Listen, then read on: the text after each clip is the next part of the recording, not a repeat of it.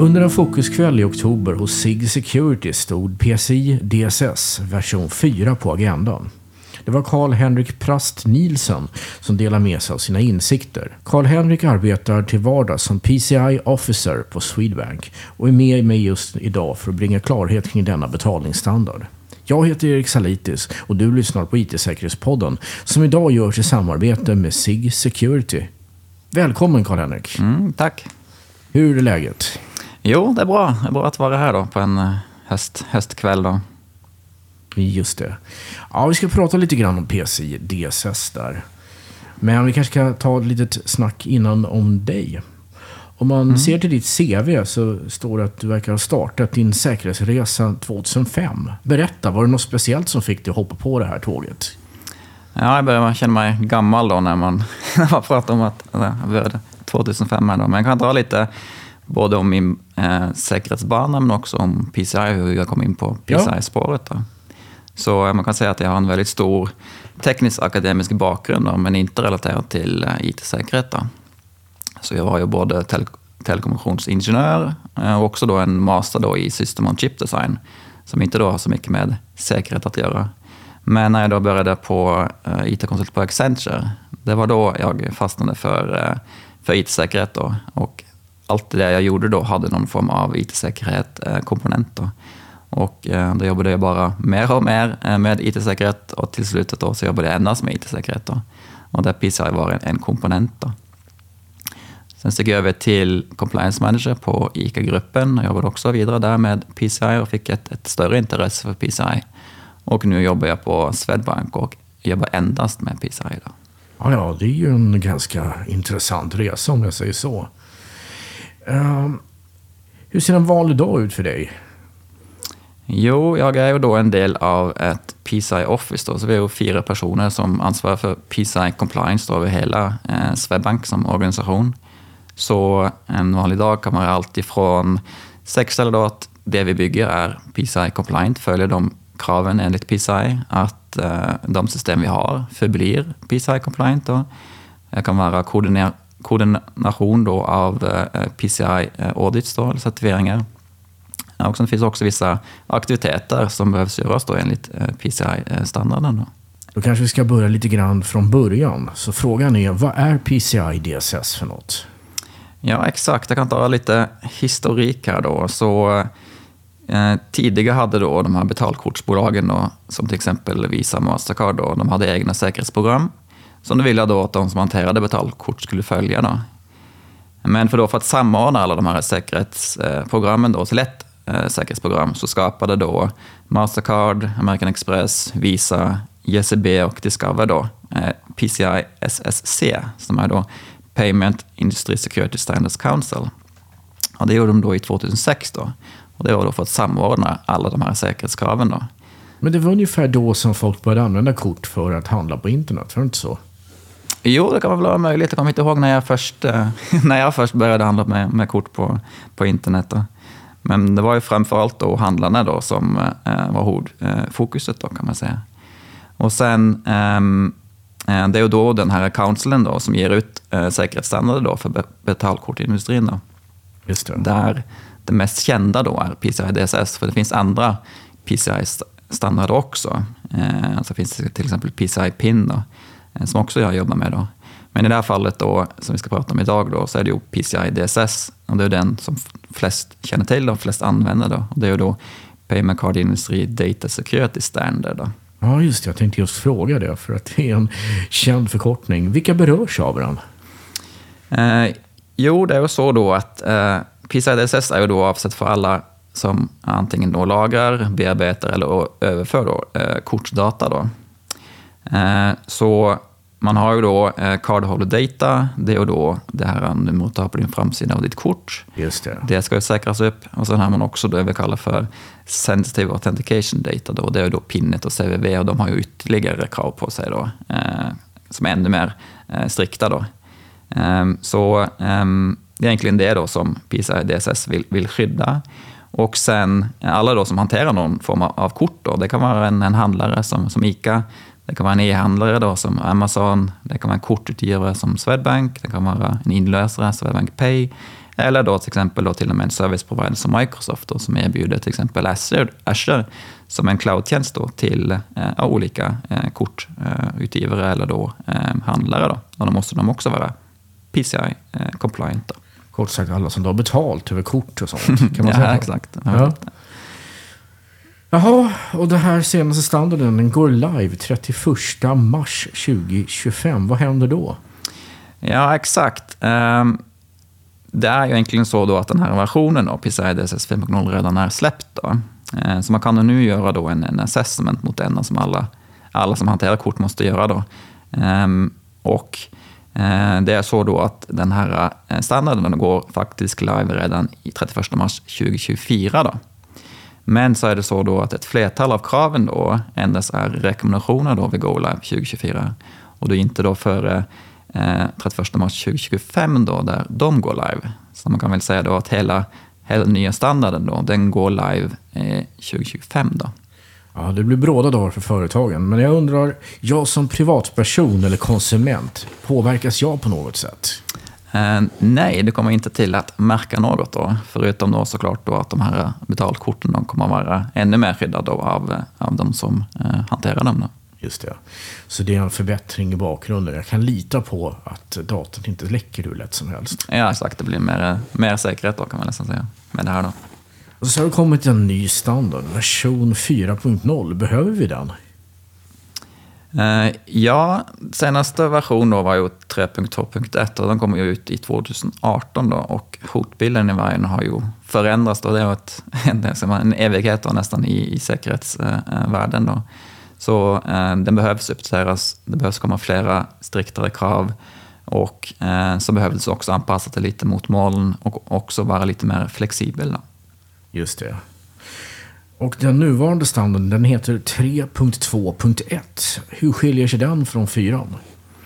Uh, eh, ja, den nya standarden då, då det är en, en major update kan man säga. Då. Men själv om den är då en, en major update uh, så bygger den på gamla standarden. Då. Så många av kraven är omskrivna, men de är uh, identiska. Då. Sen finns det vissa krav som har lite mindre skillnader. Men den största skillnaden är ju då från 4.0 till 3.2.1 är ju de här nya kraven som har tillkommit. Då. Just det. Det finns 12 krav, eller requirements som det heter på engelska. Kan du berätta någonting om det? Ja, det finns ju 12 kan man säga, nyckelkrav. Då. Så man säger att själva standarden är uppdelad då i, i 12 nyckelkrav. Då. Det är ju alltifrån krav på, på brandvägg, encryption rest, intransit, härdning, antivirus, säker utveckling av kod, Identity Access Management-krav, fysisk säkerhet, loggning, monitorering, då, säkerhetstestning, eh, säkerhetspolicies, fysisk säkerhet. Så den täcker egentligen grund, grundfundament då på, på IT-säkerhet kan man säga. Just det. Och då är det ju så här att det finns något som heter Define Approach och Customized Approach. Vad är det för något? Ja, exakt. Eh, och det är nu nog då den största ändringen som har kommit, men också den, som är svårast att förklara. Då. så eh, jag kan börja då med Define Approach. Då. Så i, i nuvarande standarden 3.2.1 så är det då eh, det enda sättet då att uppfylla ett krav är då eh, Define Approach. Då. Så då har man ett definierat krav enligt standarden då, som är dokumenterat i standarden eh, och det är det du ska testas mot. Då. Så eh, om vi tar ett exempel från PCI 4.0 så kan man prata om Access Privilege Review då, som ska göras var sjätte månad. Då. Där har man kravet. då. Du ska göra Access Privilege Review var sjätte månad. Eh, sen har man också definierat då hur man testar det här kravet. Då. Jo, du ska kunna visa att du har en process för Access Review då, och du ska kunna visa bevis på att du har gjort det då, någon gång, då, eller två gånger. Då, för det här ska göras varje, testen görs varje år. Då. Så jo. du ska göra exakt det som står i standarden. Då. Det är då Define Approach. Då. Just det. Och, och, och i Customize Approach då, för att ta den också då, eh, där är det ju då att där kan du helt enkelt definiera dina egna kontroller själv. Då. Eh, så då är det inte så då att du behöver eh, följa standarden slaviskt. Du definierar dina egna säkerhetskontroller, du definierar hur det här ska testas eh, och så blir det, då blir det här ditt krav. Då, så det blir unikt per organisation kan man säga. Mm. Det finns ju en klassiker om Kalle Anka. Det är ju det här julprogrammet där de ska åka ut till något landställe. Och sen sitter de alla där omkring och då frågar de eh, Långben som borde vara där ute och köra egentligen. Men vem är det som kör egentligen? Och han svarar, det är jag. ja. Du refererade till den i presentationen. Mm. Eh, exakt, jag hade en, en presentation på, eh, på området då, på Six Security här då. Och, ehm, det är ju så då att eh, det finns då en Go Live då, som jag nämnde då, i, i eh, Q1 2024 då. Och det största kravet som kommer in där, eller de största kraven som kommer in där då, då är att man ska definiera roles responsibilities. Då. Just det. Så alla ska vara medvetna om sitt ansvar. Så är det så då att om det då är en, en, kritisk aktivitet som eh, ska utföras så ska den personen vara medveten om det och utföra den då, så inte det liksom hamnar mellan stolarna då, eller till exempel att inte någon kör bilen i det här fallet. Då. Ja, just det, just det. Mm. Då ska vi se, vi har tekniska detaljer, 12 krav här. Mm. Um, det var de, som jag nämnde, då, de här 12 huvudkraven. Då, och sen varje av de här 12 huvudkraven har ju fått någon form av, av, av uppdatering. Då. Um, och um, i min presentation då, på Six Security tog jag då ett, ett, ett, urval av de här. Då. Ett av dem var ju då det här exemplet, då, eller kravet då, egentligen då, på, på copy-paste och export. Då. Ehm, och det är väldigt kan man säga, kortdatarelaterat, men det kan också eh, vara relevant för annan sensitiv data eller känslig data. Då. Så huvudsyftet är ju då med standarden att skydda kortdata. Och målet då med det här kravet då är då att, att förhindra att användaren då flyttar kortdata till, till ställen som är utanför det vi har definierat som, som kortmiljön, där de egentligen ska vara kan man säga, lagrade. Men nu kan du stoppa en vanlig användare från att bara göra copy-paste och lägga in sina kortuppgifter i ett notepad-dokument. liksom. ja, exakt. Det måste man ju ha eh, tekniska kontroller där då, så det finns olika sätt att, att göra det då. Eh, det mest enklaste sättet är då kanske att de jobbar på någon form av Terminal 7-miljö där man, man har tagit bort möjligheten till att kopiera ut information då till, till egen laptop. Då. Om det är så då att laptopen inte är del av, av kortmiljön kan man säga. Ja. Diskryptering är ett krav också. Eh, ja, exakt. Diskryptering är egentligen inte ett... Det är ju ett krav då om man på något sätt har en USB-sticka till exempel, om man har definierat det som sitt, sitt kortmiljö, eh, då, då ska man såklart ha diskkryptering. Då, men standarden i 4.0 då är nu striktare gällande diskkryptering då, och säger då att eh, till exempel om du har då en, en eh, databas mm. så eh, ska du inte endast ha diskkryptering, du måste ha något eh, därtill. Då. Du måste också kryptera databasen. För eh, diskkrypteringen då, eh, det sker ju endast när systemet är offline, men då inte när den är då online. Då. Eh, Nej, just det. Skydd i vila brukar man ju kalla det. Ja, sen skydd för kortägaren. Certifikatshantering, hur hänger det ihop? Eh, ja, exakt. Eh, det är ju så då att eh, vi har pratat om standarden och då pratade jag då om till exempel att man har den här diskrypteringen då eller att man har eh, kryptering av databasen. Då är då encryption at rest. Eh, sen har man ju encryption in transit och encryption in motion. Då. Eh, och eh, då har man också, vill man också skydda kortägarens uppgifter här då. Så ehm, eh, man ska nu då i nya standarden då ha en lista på alla nycklar och certifikat som du använder då för att skydda korttidsserverdatan när den då överförs då över, eh, över internet som ett exempel. Då. Sen ska man ha övervakning då, till exempel om ett certifikat går ut, då måste du såklart byta ut det. Då. Just det. Du pratade om att phishing är den största orsaken till dataläckage. Och här finns det någon form av skydd. Kan du berätta? Ja, exakt. Nätfiske då, eh, på svenska då, är det en form av eh, de, jag tror de flesta som lyssnar på den här podden är medvetna om vad nätfisket är. Då. Men det är ju då bedrägliga e-postmeddelanden då, som försöker lura en användare till att ladda ner till exempel skadlig programvara mm. då, eller dela ut känsliga uppgifter. Då. Så eh, det första, eh, rätt ofta då används det som första eh, kan man säga, eh, attackmomentet då, av en hacker. Då. Eh, så eh, PISA 4.0 då kräver nu då att eh, organisationer då har processer och automatiserade mekanismer på plats för att kunna upptäcka och skydda sin personal då mot, eh, mot nätfiskarattacker. Då.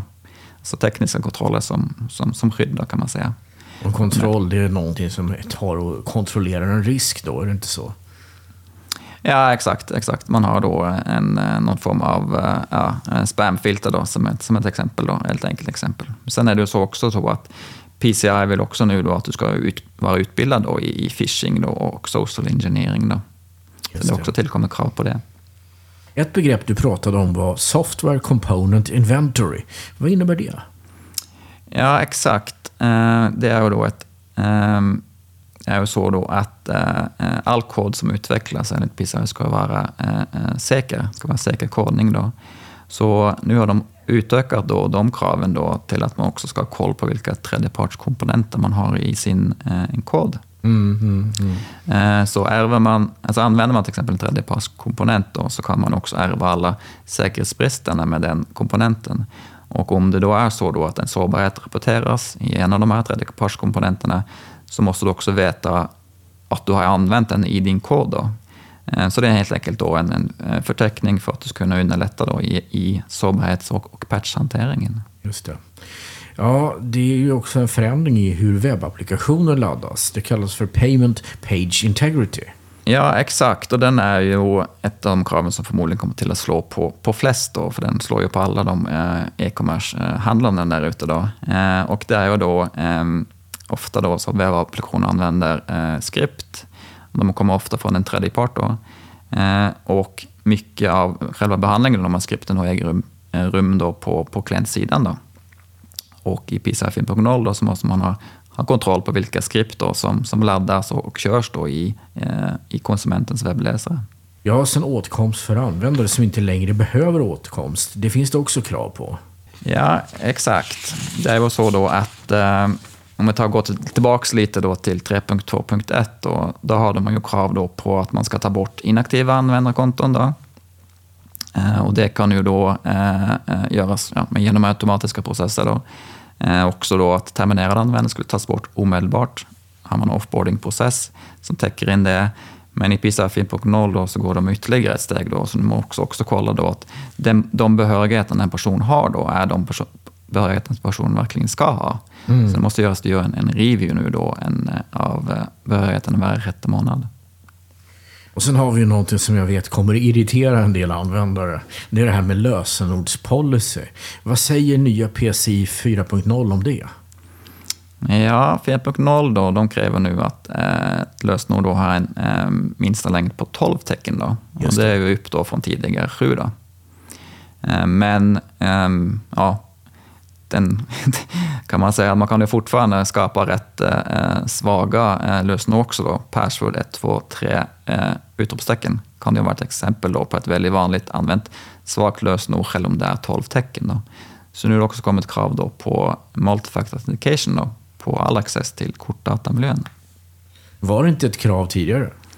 Eh, jo, men det var endast för eh, administrativ access och okay. eh, remote access. Så nu har de utökat detta då för, för all form av access då in i det vi kallar för kortdatamiljön, då, där du har kortdatat.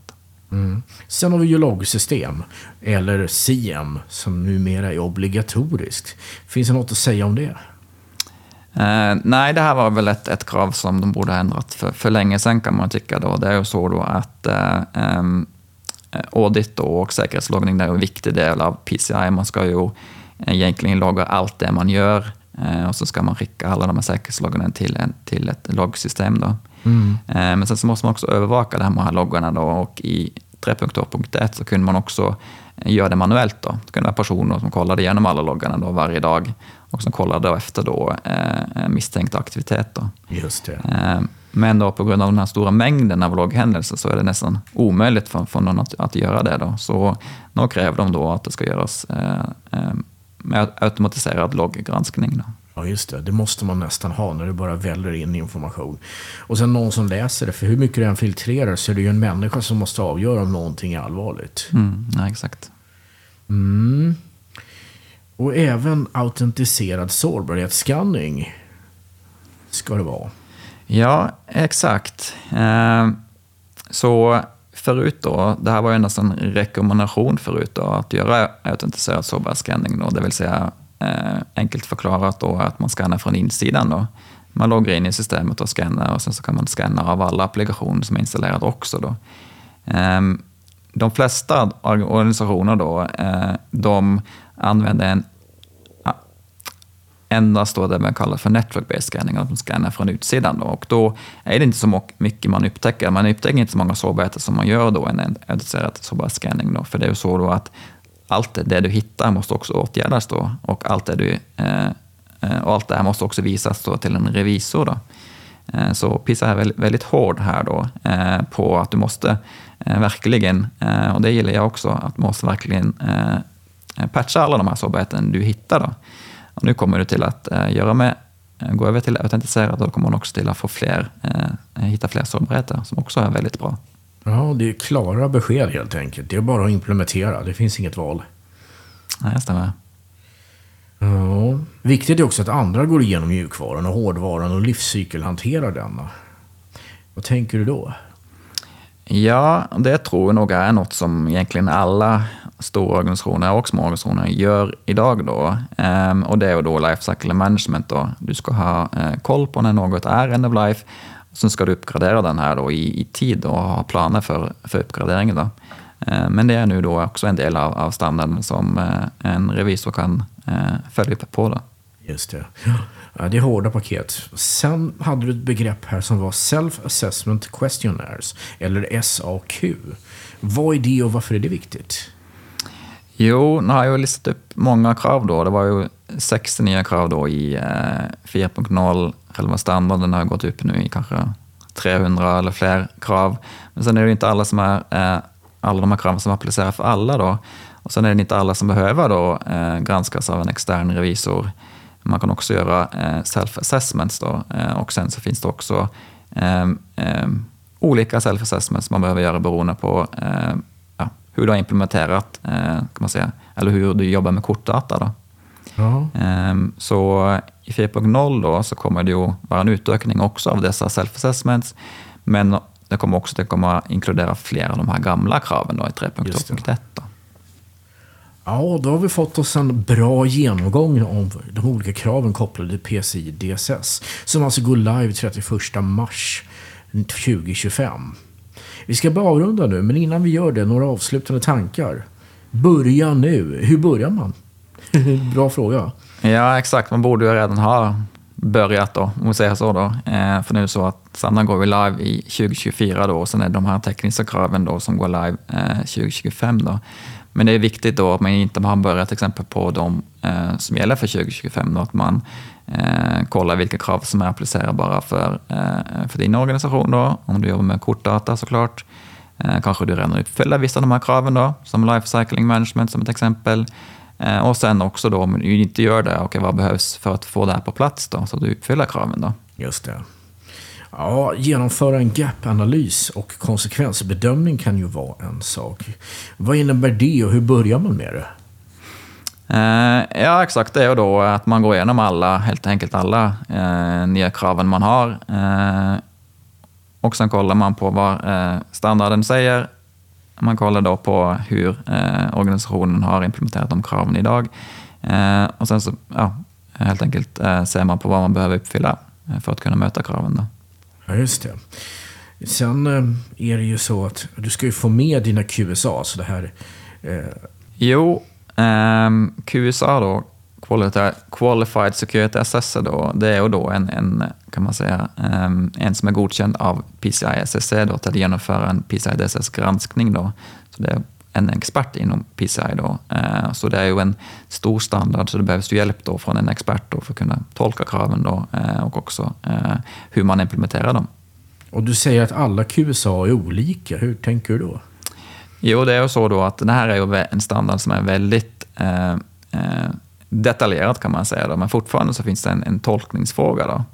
Eh, och de har ju då, PCI har ju eh, tagit bort några av de, den här tolkningsfrågan då i den nya standarden då, och adresserat det. Då. Men fortfarande så kan en QSA tolka kraven olika. Då. Så det är viktigt då att man får med, om man har en, en QSA då, eh, att man då an, eh, använder den och eh, följer upp med den då, om det, det man implementerar är rätt. Då.